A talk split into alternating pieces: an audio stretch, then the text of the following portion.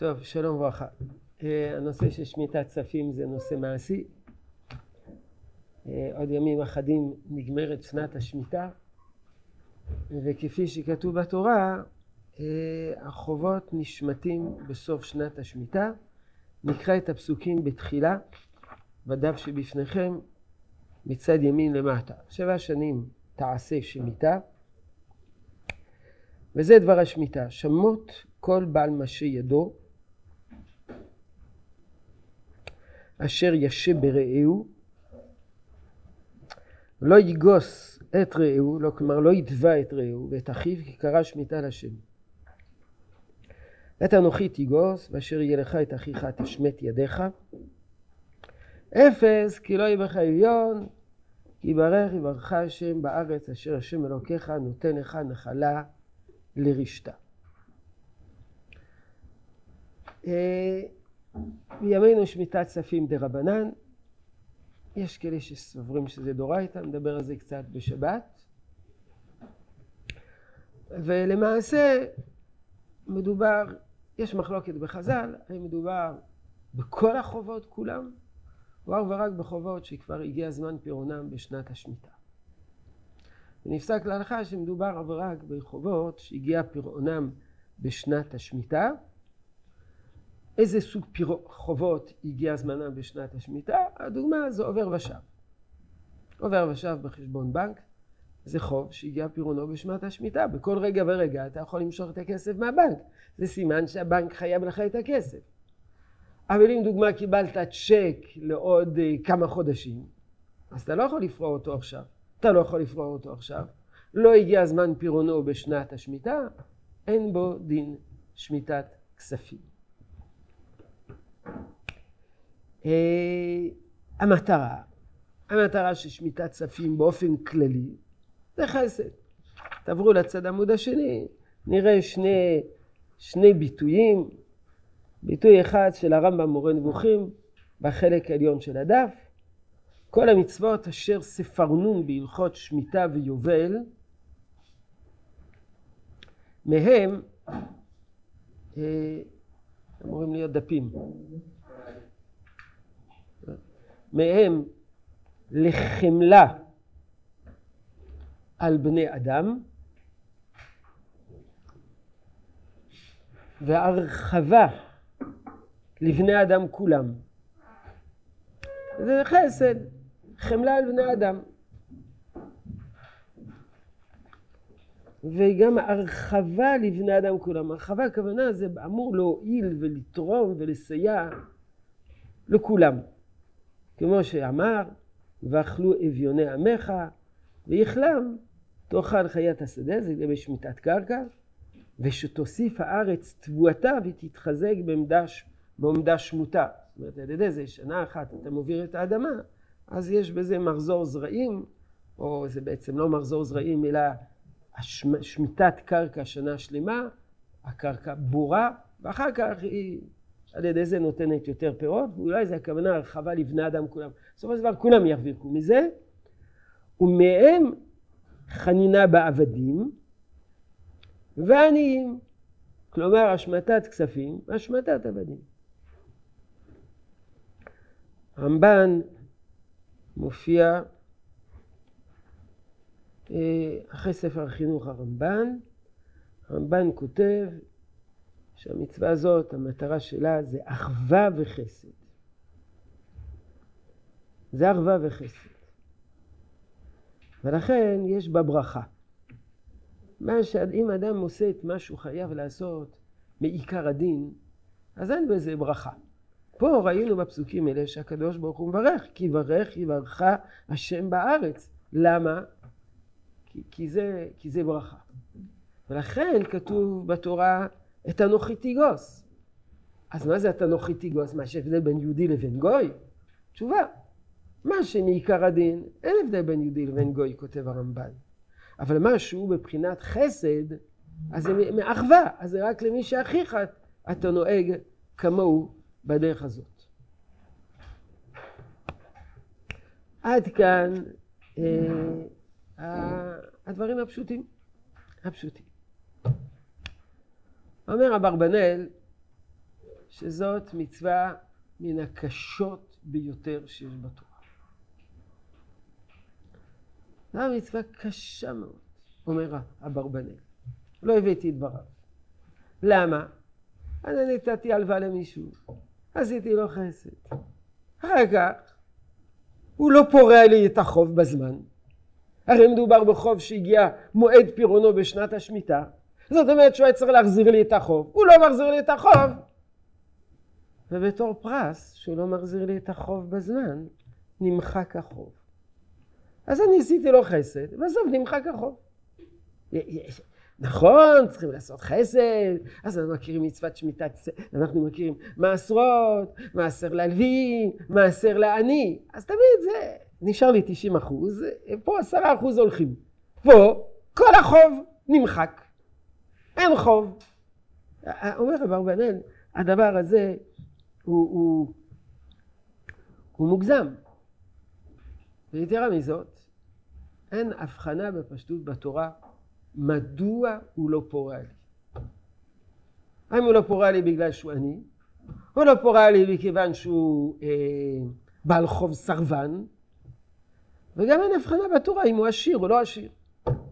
אדרבה, יש אפילו כאלה שרצו להגיד שכתוב מפורש בתורה שמצוות השמטת צפים נוהגת אפילו בשירים. למה? כתוב אפס כי לא יהיה בך אביון. אז יש כאלה שפירשו, כך מביא רדף עוצפמן, אפס קילו בחגן, הכוונה זה אין הבדל אם הוא אביון או לא אביון. אל תחשוב שזה נוהג דווקא באביון, גם אם לא יהיה לך באביון, גם אם לא אביון, ההלכה הזאת נוהגת. זה כמובן פירוש חדש לפסוק, למילים האלו. יש לכולם דפים? איפה יש עוד דפים? כדי שלכולם יהיו דפים? למישהו חסר לו דף? למי חסר דף? רגע, איפה החבילה של הדפים? מה? הכל, הכל חולק? מה? אז להעביר למי שאין לו דף. מי צריך דף? כולם, אף אחד לא צריך דף? אף אחד לא צריך דף, אז זה מצוין. אז אני ממשיך. אה, יש מושג כזה אה, שלעיתים יש עשירים גדולים, חייבים כסף למדינה, עושים להם מה שמכנים בימינו תספורת. מה זה תספורת? מוחקים להם את כל החובות למדינה. טוב, המדינה היא עשירה מאוד, אבל אדם פרטי שנתן הלוואה ולבסוף מוחקים לו את החוב, מאוד קשה להבין, מה פתאום, מה, מה, מה, מה, מה, למה הוא צריך לסבול את הדבר הזה? הדבר הולך ונהיה יותר מסובך כאשר, אה, כמובן, והזכרתי, ואין שום, התורה לא מבחינה למה. לא, האם הוא לא מחזיר את החוב בגלל שאין לו כסף, או שהוא לא מחזיר את החוב בגלל שהוא סתם מתחמק. דבר יותר קשה, שכל מבנה הכלכלי, בכל הפרוט בימינו, אה, של מסחר, הוא קשור בחובות. אני מוכר סחורה, חייבים לי כסף. אז, אז, אז, אז כל מי שעוסק במסחר ומוסר מוסר אה, חפצים, מוסר, מוסר מוצרים וצריך לקבל כסף, סוף שנת השמיטה הכל נמחק. כל מפעל יש בדרך כלל שוטף, כמה זמן זה שוטף? יודעים מה זה שוטף? מי שמוכר, שוטף זה שלושה חודשים. אז שלושה חודשים לפני סוף שנת השמיטה, כל הסוחרים לא ימכרו כלום. לא, אולי כן ימכרו. תוך שלושה חודשים זה בסדר. למה? כי אז החוב זה בסוף שנת השמיטה. זה בסדר. בתחילת שנת השמיטה אדם לא ימכור. כי יפחד שלא לא ישלמו לו, בן אדם יהיה סרבן, לא ישלם לו, נגמר הכל. יכול לקחת אותו לבית דין, ותוך כמה זמן בית דין יוצא את הכסף הזה. ודאי שיכול לקחת אותו לבית דין. ונניח שהוא לא יפרע, קח אותו לבית דין, ולוקח זמן עד שמוצאים את הכסף.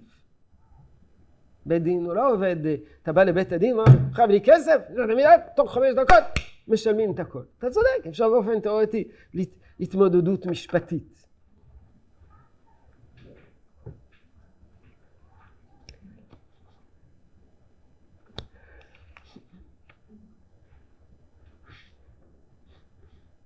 תשובה ראשונה. באמת שמיטת כספים זה מצווה קשה, ולכן לא שמרו עליה. ובגלל זה הלל תיקן פרוסבול.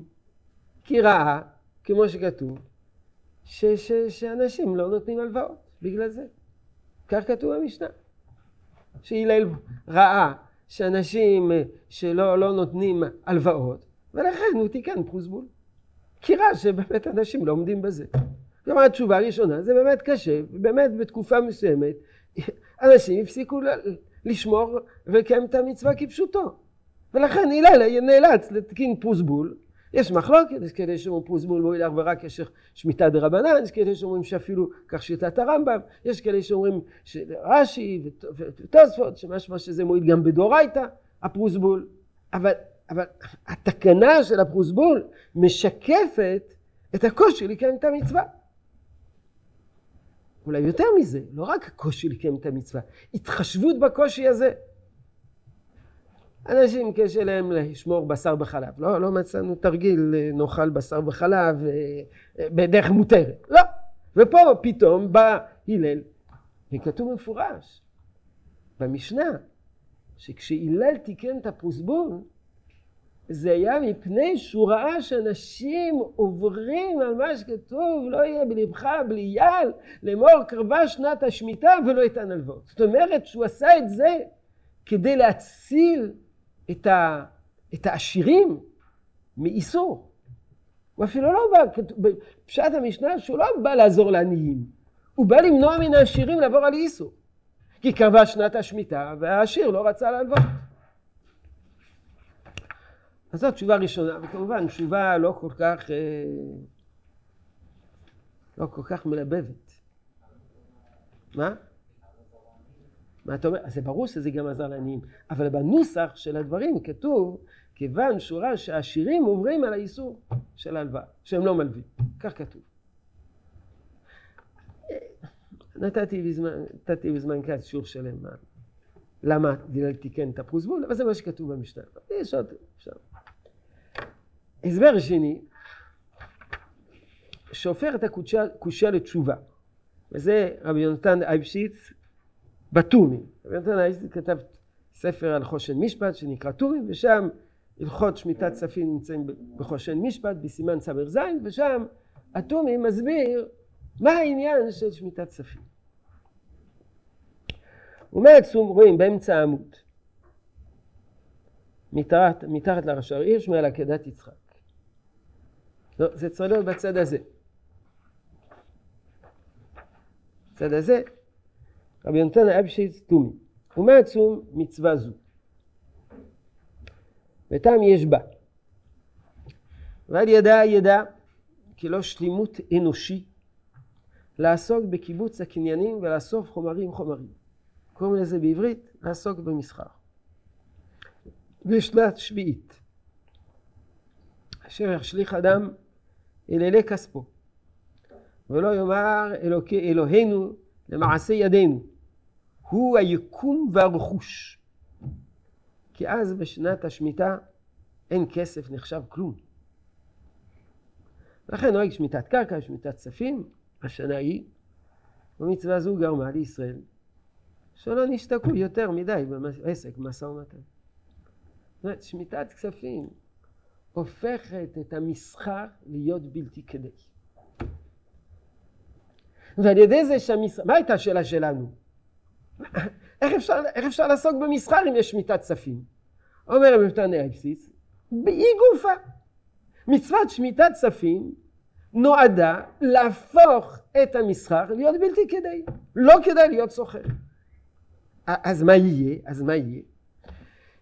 שלא ישתקעו יותר מדי בעסק משא ומתן ולהרבות בסחורה קורניות סוחר ולבלות בו זמן יום ולילה כגויים אשר על פני אדמה ולכל המרבה בסחורה מחכים כי לזו צריך הלוואות איש באחיו ולהיות נושי איש ברעהו מזמן לזמן וזה אי אפשר בהחזיק מצווה הנ"ל כי בהגיע תור השמיטה ישמט את הנושה ויצא נקי מכל חובו. אז זה לא כדאי להיות סוחר. אז מה יהיה? ואם כן, היה חובה עלינו להחזיק במידת הספיקות, אומרת ההסתפקות במועט, כראוי ונאות לעובד השלם, וכאשר היו אבותינו, לא פנו אל הזן, רועי צאן, מגז כבשים יתחממו, ומחלב עתודים ישתו, וברכת השם יתעשיר. ברצונו נותן, ברצונו נוטל, ושב כל תרבולות בני אדם. זאת אומרת, זה הפך את העם היהודי להיות עם של חקלאים. אומנם בשנת השמיטה גם אין חקלאות. אז עם של רועי צאן, זה מה שכותב, היו רועי צאן. קין והבל. קין עובד אדמה, הבל רועי צאן. אנחנו עם של רועי צאן. רועי צאן. אז, אז, אז הקושייה הפכה להיות תירוץ. אי אפשר לחיות אם מצוות שמיטת כספים לא מאפשרת מסחר. בשביל זה נועדה, אומר רבי נתן אפסית, על מנת שלא יהיה מסחר. יהודים יהיו כולם רועי צאן, זאת התפיסה שלו. גישה שנייה, יותר מודרנית, וזה בצד השני במקור ארבע, הרב ישעיהו שפירא. לא יודע אם שמעתם עליו, הרב ישעיהו שפירא זה אדמו"ר החלוץ. למה נקרא אדמו"ר חלוץ? כי הוא היה אדמו"ר. הוא היה אדמו"ר של אדמו"ר מפסצנה. ודאי שמעתם על אדמו"ר מפסצנה? שמעתם? בעל חובת התלמידים. שמעתם על הספר חובת התלמידים? היה אדמו"ר גדול, ונרצח בשואה, היה בגטו ורשה, אדמו"ר מפסצנה. מצאו את הכתבים שלו אחרי השואה, כאשר חפרו בוורשה, ופתאום מצאו את כל הגנזך של ה... הטמינו גנזך שלם, והיו בפנים בתוך חבית, בתוך כד חלב, היו כל הכתבים שלו, שאחר כך הוציאו לאור. ואחיו, האדמו"ר מפיאסצנה קראו לו הרב קלמן קלונימוס, קלונימוס קלמן שפירא. ואחיו קראו לו הרב ישעיהו שפירא. הוא היה אדמו"ר. ובא לארץ והפך להיות חלוץ, והיה מן השותפים לפועל המזרחי, היה מזרחי, עירוניים, פועל המזרחי חקלאים, הוא היה רבה של כפר פינס, ויש תמונות שהוא רוכב על סוס. והוא היה, הייתה לו השקפת עולם סוציאליסטית. וקשר את מצוות שמיטת הכספים להשקפת עולם הסוציאליסטית. ומה הייתה תפיסת השקפת עולם שלו? שהתורה היא נגד רכוש. היא נגד בעלות על רכוש. זה כמעט גובל בקומוניזם, אבל זה לא קומוניזם, זה סוציאליסט. על מה אדם בעלים? על העבודה. אם אדם עובד, הוא בעלים על העבודה שלו. אבל על הכסף ורווחים, ואתה מרוויח מהכסף בלי עבודה, מה זה נקרא שאדם מרוויח עם, על כסף בלי עבודה? מה זה? ריבית? התורה אוסרת. או בשנת השמיטה, שאתה לא עובד, כי בשנת השמיטה אסור לעבוד, אז ממילא כל הפירות הם שייכים לכולם, כי אין עבודה בשנת השמיטה. אתה בעלים רק על העבודה. והוא קושר את זה גם עם כל העניין הזה של, של שמיטת כספים. הנה נקרא ביחד. אף מצוות שמיטת כספים, דרך אגב, יש, יש פה קטע אחד בלבד, אבל במקרה נכנסתי למטבח לפני כמה ימים וגיליתי שנמצאת שם החוברת הזאת, מונחת שם במטבח, כאן, ובחוברת הזאת נמצא כל המאמר שנקרא ועשית וישר והטוב. ופה זה באותיות, כי זה לא כל כך יפה, שם זה באותיות עם תמונות. כל המאמר ועשית הישר והטוב נמצא שם. ושם הוא פורס את כל שיטתו. אף מצוות שמיטת כספים היא סתירה לרכוש. מתוך נקודת ההשקפה של הצדק המקובל אי אפשר לנו להבין את המצווה הזאת.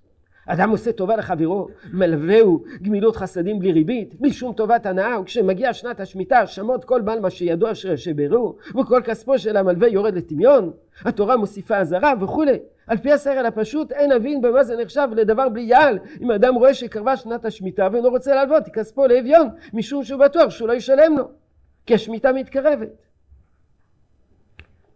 טור שמאלי המצווה של שמיטת כספים נוכל להבין רק לפי השקפה של היהדות בנוגע לרכוש. אין אדם בעלים על הרכוש שלו. כי ממך הכל. ומשום כך, אם אל אחד שלח השם את ברכתו ונתן לו עודף של כסף, למה זה עודף? עובדה שהוא יכול ללוות אותו, שאינו נחוץ לקיומו, ואחיו ירד בינתיים מנכסיו ונכנס בעול של חובות, מידת הצדק נותנת שישמט את ידו ממנו על ידי כך אני משתחרר מעול החובות וניתנת לו אפשרות לעמוד שוב על רגליו. אז זה נובע מתוך תפיסה שבעצם תורת ישראל היא נגד רכושנות בכלל, נגד רכוש. כן. מה? כי אם יש לך כסף, תחזיר. רק אם מישהו זקוק, מי שלא זקוק, למה שהוא ייקח את הכסף של השני?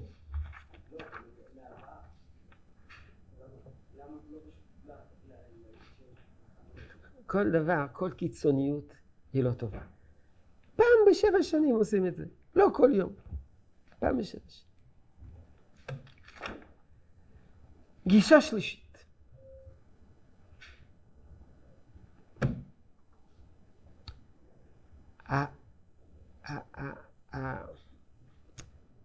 הצמדת שמיטת כספים, שנת שמיטת כספים לשמיטת קרקע, אומרת דור שני. למה, למה שמיטת כספים ושמיטת קרקע זה באותה שנה? ויודעים שלפי, גם לפי חז"ל, יש קשר ביניהם.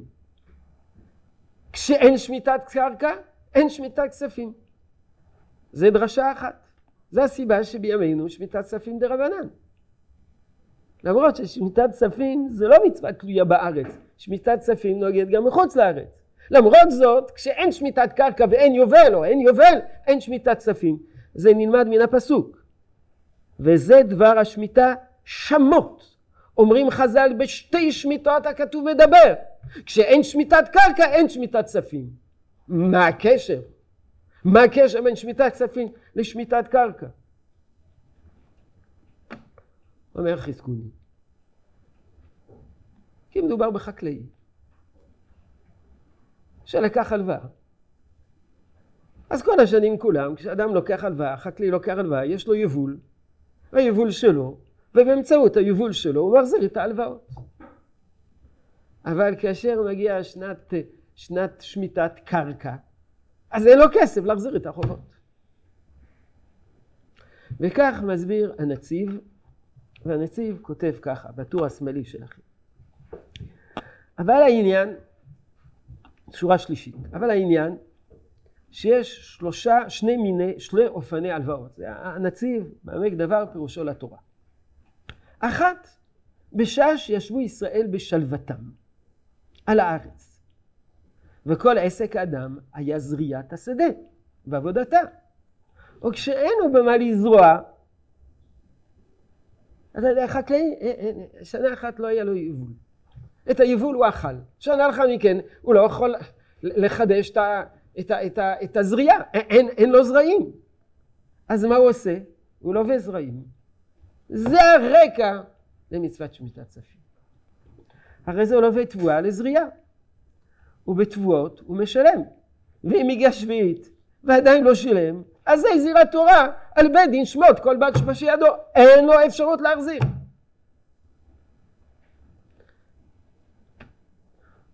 אין אפשרות. אבל סוחר זה משהו אחר לגמרי.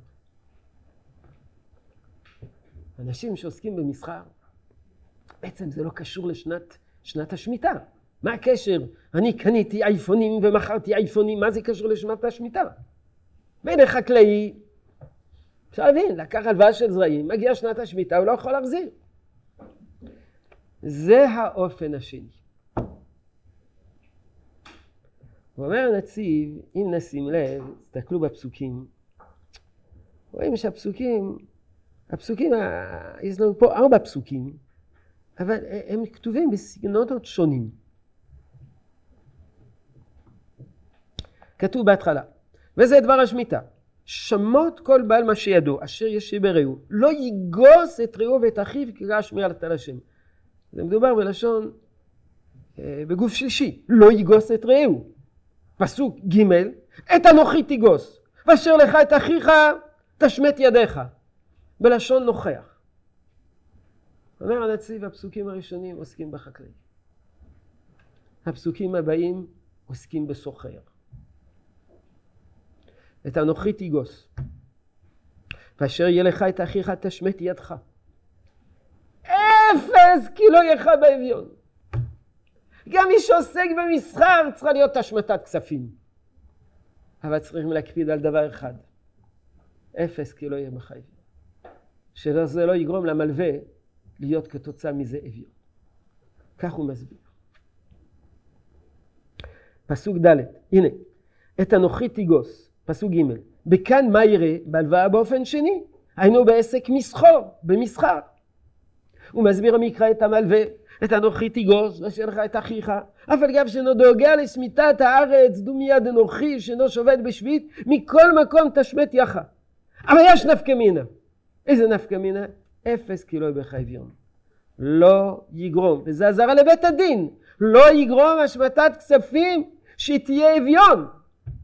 שהרי המלווה על מסחור, אם לא ישיב חובו, נשא המלווה אביון.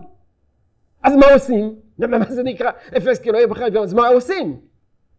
אם כן יש לעשות תקנה לזה, והיינו תקנת פרוסבול, או למסור לבית דין. והנציב אומר שהתקנה של הפרוסבול היא לא סתם איזה תקלה זה מקרה, עושים הערמה, עושים פרוסבול, תמיד אומרים, נו, כמו שעושים פרוסבול, כך תעשו הרמות לתרי"ג מצוות. לא, לפי הנציב, כבר התורה דיברה על כך. אתה צריך לדאוג לכך שלא יהיה אביון. מי יכול להיות אביון? סוחר. מכרתי את כל, הת... כל הסחורה שלי, אני אמור לקבל את הכסף, לא שילמו לי את הכסף, עכשיו אני פושט את הרגל. אז תעשה פרוסבול. והזכרתי לפני כן שלפי דעות אחדות, תקנה של הפרוסבול היא דאורייתא. ואם לא, תקנה אחרת שהיא דאורייתא. זאת אומרת, התורה כבר לקחה בחשבון את האפשרות הזאת. אחרים אומרים, במענה לשאלה הזאת, מה יהיה עם המלווה? הוא יהיה אביון. אפס כאילו לא בך אביון. התורה מבטיחה למלווה שהוא לא יהיה אביון. מבטיחה לו. אפס כאילו לא בך אביון, כי בא רברך השם, אל תחשוש. הקדוש ברוך הוא יברך אותך. אבל לפי הנציב, זה לא רק ברכה אלוקית, אלא גם בן דין של מטה צריך לדאוג לכך שהמלווה לא יהיה אביון. הסבר רביעי, נותרו לי עשר דקות, שמונה דקות. הסבר רביעי. בשיעורים הארוכים, בשיעורים, בסדרת השיעורים משודת כספים, ראינו שיש שלוש שיטות לגבי שמיטת כספים. יש שיטה אחת שאומרת שבסוף השנה באופן אוטומטי החובות נמחקים. זה נקרא הפקתא דמלתא.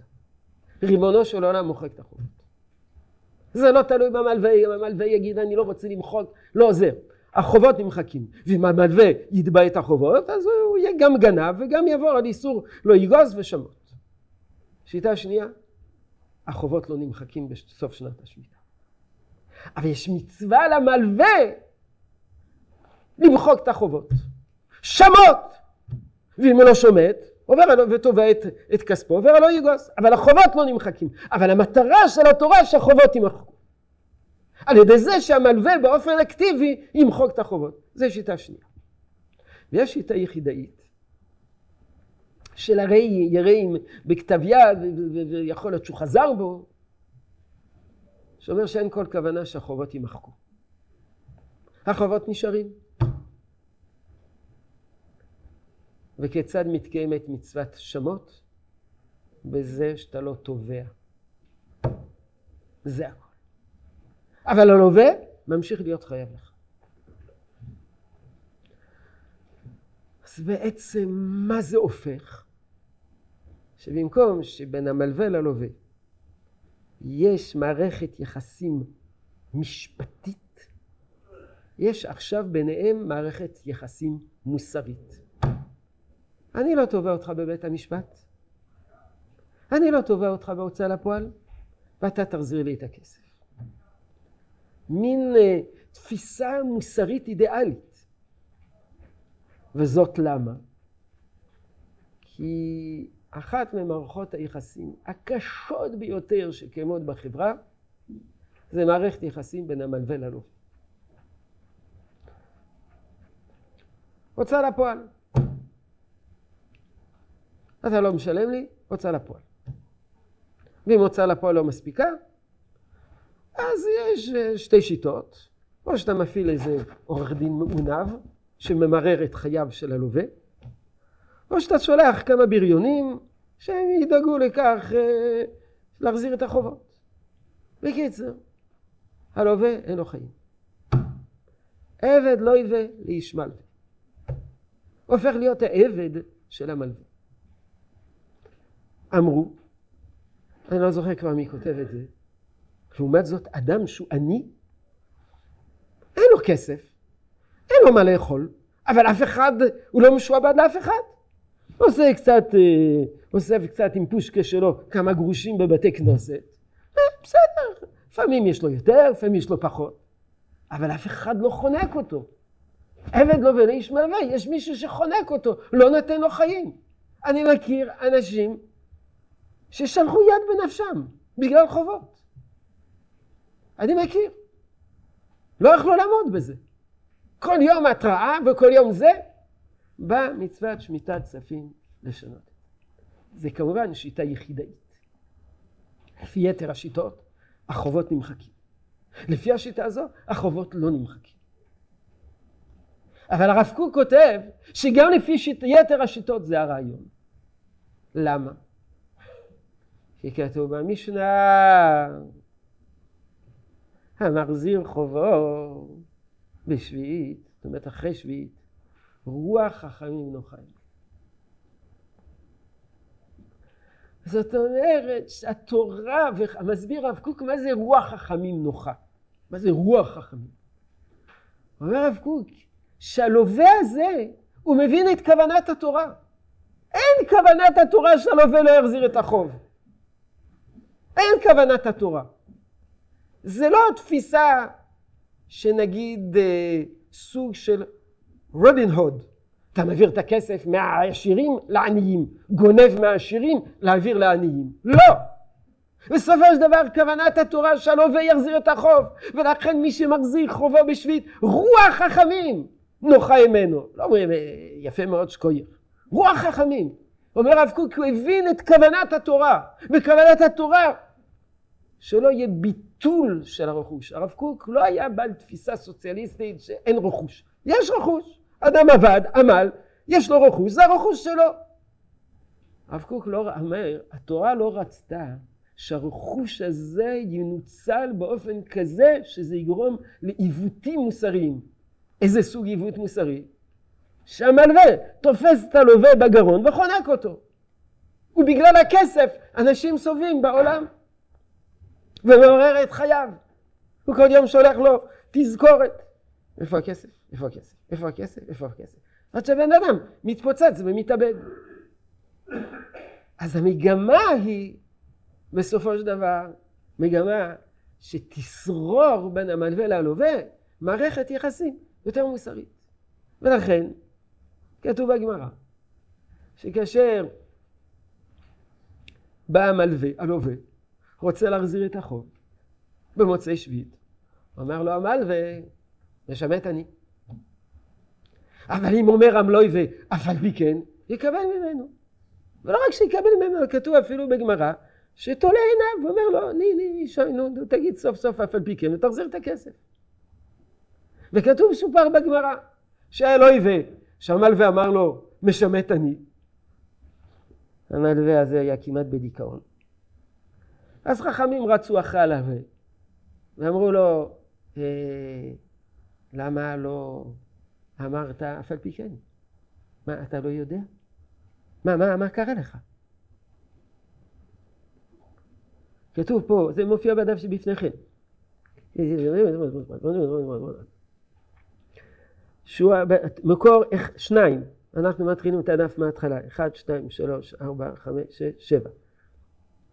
אבא בר מרתא, שורה שמתחילה בבר מרתא. אבא בר מרתא, דבי אבא בר מניון, אבי משיג ברבא זוזי. הוא היה חייב לרבא כסף. הייתי נעלה בשביעית, הביא לו את הכסף, אמר לו מה שמעתני. אז החכם הזה, אבא בר מרתא, לקח את הכסף ועזב. אתה אביי, אשכחי, בא אביי, ראה שרבא אסור. אמר לי, אמי אציב מר, אמר לי, חי ומייסה. קרא הסיפור. אזל יגבי, אביי הלך אצל אבא במרתא, אמר לי, אמתת לזוזה, למה? באת להחזיר לו את הכסף? אמר, כן. אמר לי, ומה אמר לך? הוא אמר לי, משרת אני. אמר לי, ואמרת לו, אף על פי כן? אמר לי, לא. אמרת, והיא אמרת לי, אף על פי כן, אבל שקלינו מנך. אשתמרתם תהיו יעלה, ומה לאף על פי כן?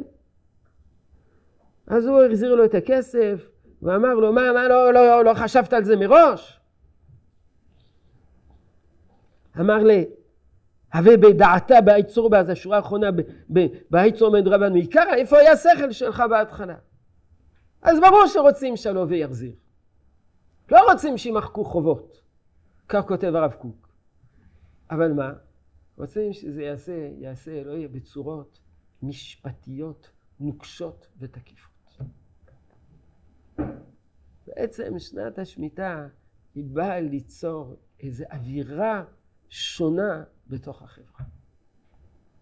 במקום אווירה משפטית, כמו בימינו, הכל זה משפט, כל העולם כולו משפט, כמו שאומרים, עולם ומלואו משפט, שאי אפשר לעשות, הכל זה על פי דין, שהדברים יעשו מתוך אבל מתוך הכרה.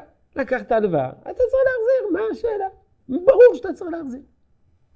לא כמו התפיסה של הרב ישעיהו שפירא, אה, אין, אין, אין, אין בעלות על הכסף. ודאי שאתה צריך להחזיר. וזו הציפייה שלך שתחזיר. אבל השאלה, איך הדברים האלה נעשים? טוב, שש ואחד עשרה דקות, חרגתי בדקה, אז אנחנו נעצור כאן.